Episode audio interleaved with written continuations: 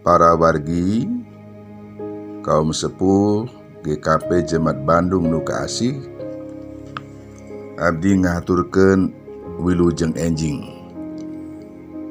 Selamat pagi. Hari ini saya mengajak kita semua untuk merenungkan sebuah pokok pikiran, yaitu mulai dengan apa. Mulai dengan apa. Namun sebelumnya, mari kita berdoa. Bapa kami dalam sorga, kami bersyukur untuk semua anugerah yang sudah Tuhan limpahkan kepada kami. Karena sampai dengan saat ini hanya oleh kasih-Mu kami boleh ada sebagaimana kami ada. Sebentar ya Tuhan kami rindu mendengarkan sabdamu, merenungkannya. Karena itu kami mohon pertolonganmu dengan rohmu yang kudus kiranya kami mampu menghayati, menggali makna pesan yang firmanmu sampaikan kepada kami semua hari ini.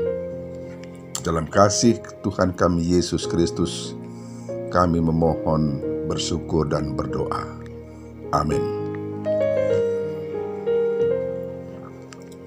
Bapak, Ibu, saudaraku semua kaum sepuh GKP Jemaat Bandung, pada mulanya Allah. Pada mulanya Allah. Demikian tersurat dalam Kejadian pasal 1 ayat 1. Alkitab diawali dengan tiga kata itu. Dan memang alangkah indahnya bila segala sesuatu termasuk kerinduan serta upaya kita untuk hidup tenang, berkemenangan, hidup damai, sukacita, bertolak dari Allah, dan dimulai bersama-sama dengan Allah. Mengapa? Sebab bila Allah benar-benar menjadi yang awal, kita akan mempunyai titik pijak yang kuat dan kokoh. Rute perjalanan hidup kita akan mempunyai titik tuju yang jelas. Di antara kedua titik itu, yaitu titik pijak dan titik tuju, setiap langkah kita akan mempunyai titik orientasi yang pasti Itulah yang akan terjadi bila hidup kita dengan setia berpegang pada satu prinsip ini. Pada mulanya Allah. Bapak, ibu, saudaraku, bagaimana kenyataannya? Adakah seperti itu? Tapi sering menyedihkan Sebab walaupun hampir semua orang Kristen, tentu termasuk kita di dalamnya, mengamini dan menginginkannya. Namun ya cuma sebegitu, berhenti pada niat, pada keinginan saja. Sedang untuk maju lebih jauh daripada sekedar rindu dan ingin kita tidak mampu. Sering kita tidak mampu. Mengapa begitu kontradiksi ya? Kenapa begitu bertentangan? Nampaknya ini disebabkan oleh realitas hidup menuntut yang lain. Menuntut tindakan-tindakan yang konkret, yang pragmatis dan yang realistis yang nyata. Bukan hanya sekedar gagasan-gagasan yang manis, bukan pula cuma impian-impian yang romantis. Bagi banyak sekali orang, hidup mulai dengan Allah itu terlalu abstrak, tidak realistis, bahkan terlalu absurd seolah-olah hidup yang ideal di muka bumi ini ada dan mungkin. Sekali lagi, seolah-olah hidup yang ideal di muka bumi ini ada dan mungkin. Padahal tidak. Realitas Allah bagi banyak sekali orang merupakan sesuatu yang terlalu jauh untuk dapat dijangkau dan terlalu asing untuk dapat dikenal. Ya, ini bahkan tercermin dalam ayat-ayat Alkitab sendiri. Misalnya ayat yang satu ini. Yang Maha Kuasa itu apa? Sehingga kami harus beribadah kepadanya dan apa manfaatnya bagi kami kalau kami memohon kepadanya. Demikian tersurat tersurat dalam Ayub pasal 21 ayat 15. Atau dapatkah engkau memahami hakikat Allah menyelami batas-batas kekuasaan yang maha kuasa? Tingginya seperti langit apa yang dapat kau lakukan? Dalamnya melebihi dunia orang mati. Apa yang dapat kau ketahui?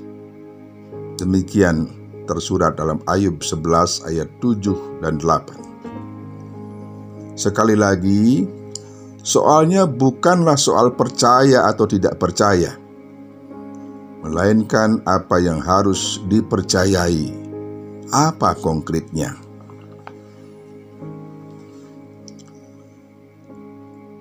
Bapak Ibu, saudaraku yang kekasih, bila kita berperasaan begitu, bila Anda berperasaan begitu, wajar bila kita Anda kecewa.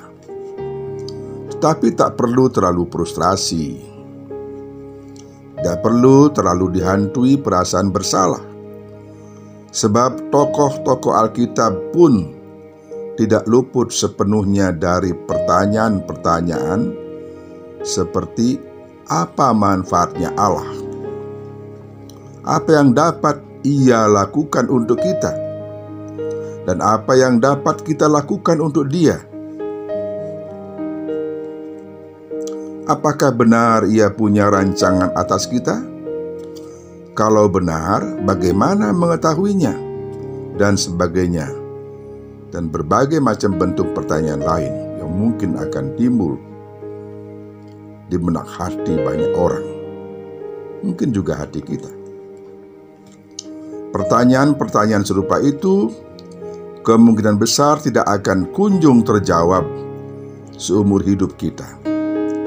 Namun, begitu dengan amat keras Tuhan mengimbau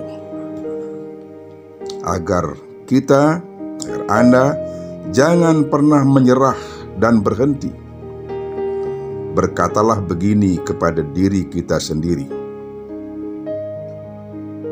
Meskipun mulai dengan Allah itu sangat sulit, tetapi kalau tidak mulai dengan Dia, dengan Allah, laku lalu aku mesti mulai dengan apa? Atau berpijak pada siapa? Dapatkah alternatif itu menjamin keadaan yang lebih baik bagi kita? Pertanyaan tersebut amat krusial, sebab sekali kita salah pilih di titik awal, kita atau Anda akan semakin melenceng dari tujuan. Sebaliknya, seperti bunyi pepatah. Awal yang baik menyelesaikan setengah pekerjaan. Awal yang baik menyelesaikan setengah pekerjaan. Mulai dengan Allah memang sulit, kadang-kadang sakit, tetapi tidak mungkin dengan Dia